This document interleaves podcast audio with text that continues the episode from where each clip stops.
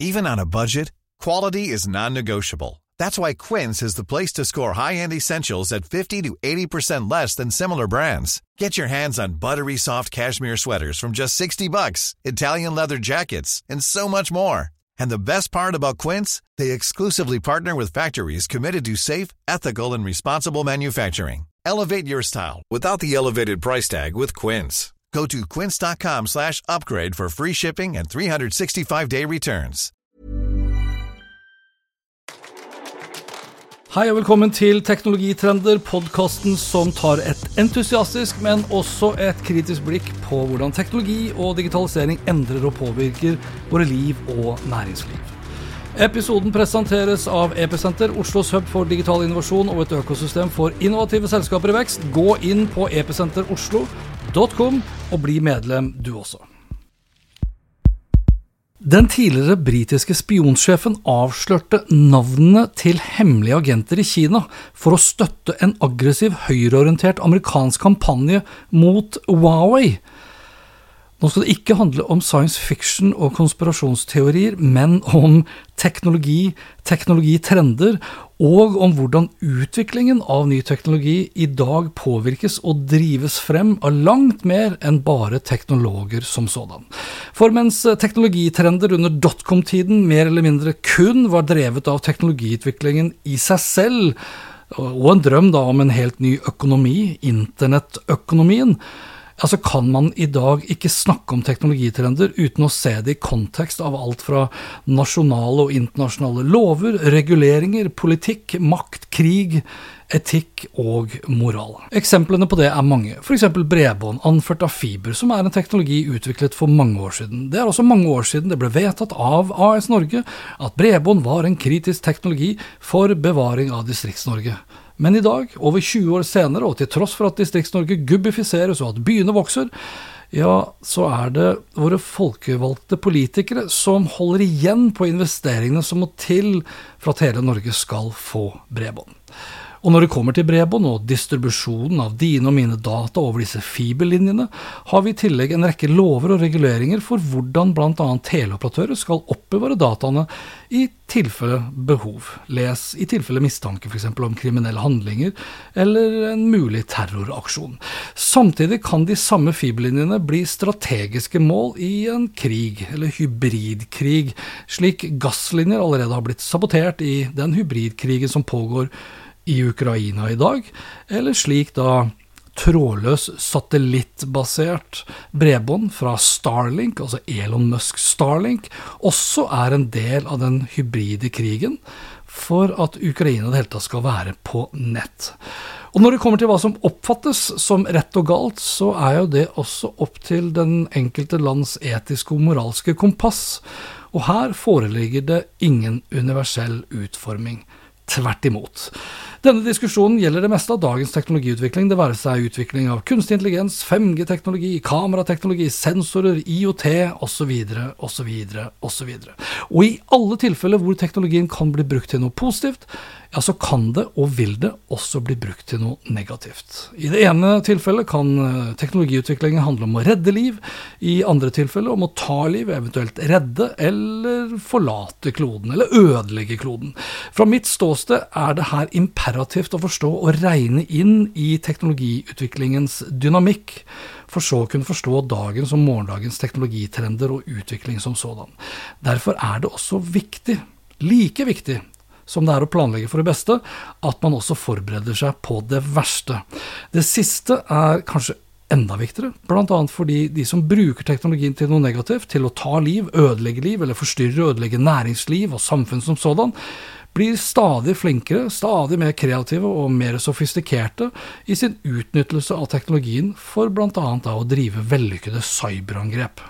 For cyberangrep blir det også stadig flere av, og med tanke på at de vellykkede angrepene også øker i volum, så kan det jo se ut som det skyldes i stor grad at de fleste nøyer seg med å planlegge for det beste, ikke være forberedt på det verste. Og det er jo minst ubehagelig der og da, samtidig som det også da er det minst behagelige når skaden først skjer. Men den strategien ser ut til å leve i beste velgående, også hos våre folkevalgte, som til tross for at de er fullstendig klar over, tror jeg i hvert fall, at AS Norge trenger et økende antall IT-eksperter, så ser det ut til å være det mest fornuftige de kan komme opp med, og nettopp da gjøre det motsatte, altså da redusere antall IT-studieplasser.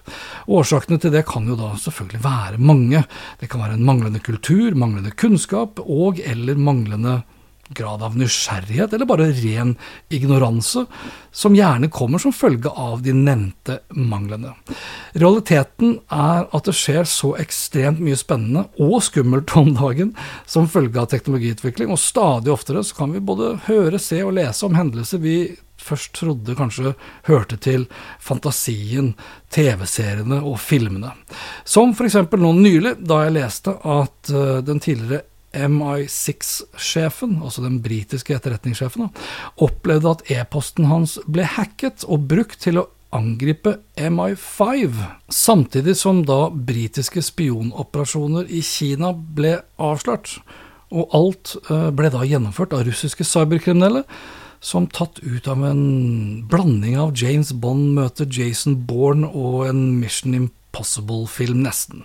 Avsløringene kommer som følge av, og her siterer jeg artikkelen fra Computer Weekly fra 1.12., som skriver at artikkelen er en del av en serie som produseres med støtte fra et sjenerøst stipend fra Association of British Science Writers, som fikk et større tilskudd for å utvikle en database som inneholder informasjon om lobbyvirksomhet fra en tidligere ukjent offshore-finansiert virksomhet bestående av hard brexit-tilhengere.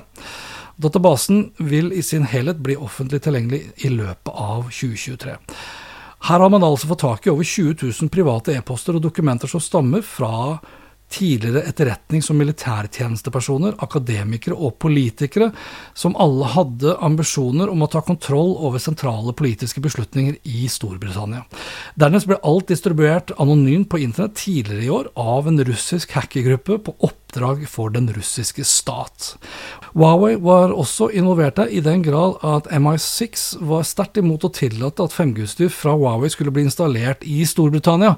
De aktuelle MI6-agentene ble omtalt som ledende eksperter på kinesisk etterretning, og hadde drevet da som agenter mens de da jobbet som diplomater i Kina.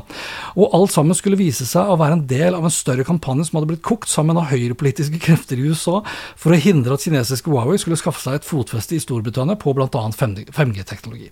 Spionthrilleren, hvis du vil, inkluderer alt fra opprettelse av konspirasjonsteorigrupper hvis formål var å erstatte daværende statsminister Teresa May med Boris Johnson, til amerikanske delegasjoner som dro ens ærend til London for å overbevise britene om at det å plassere utstyr fra Huawei inn i det britiske 5G-nettverket var galskap på nivå med å overlate Russland til å ta ansvaret for verdens antidopingprogram. Gruppen, som nevnt tidligere, som besto av tidligere etterretnings- og militærtjenestepersoner, akademikere og politikere, hadde ifølge de lekkede dokumentene fra den tidligere MI6-sjefen, som da den russiske hackergruppen hadde publisert anonymt på internett, på oppdrag fra den russiske staten, helt sikkert da for å destabilisere vestlige demokratier og gjøre landene mer opptatt av seg selv og sitt eget da før krigen mot Ukraina, hadde da på to år bidratt til å erstatte Teresa May med Boris Johnson, fått Storbritannia ut av EU og innført da et totalforbud mot Huawei. Og nå hadde da den samme gruppen blitt bedt om å opprette en hemmelig enhet med direktelinje inn i regjeringen. Altså, det her er da ingen science fiction, men the real shit. Og starten da på en serie av artikler som Computer Weekly kommer til å produsere i tiden fremover, hvor hensikten er å avdekke hvilke taktikker som ble benyttet av disse hard brexit-tilhengerne for å påvirke og manipulere regjeringens politikk innenfor vitenskap, teknologi og sikkerhet. Dette foregår i dag, og du kan tenke deg hvor mye som skjer in the name of technology som vi da ikke har peiling på i det hele tatt. Så ja, planlegg for det beste, men for guds skyld, forbered deg på det verste. Og det var det. Inntil neste gang, vær nysgjerrig, still kritiske spørsmål, ikke bli en teknologisjåvinist. Lenker til alt jeg snakket om finner du som alltid på hanspetter.info. Snakkes da. Hei då.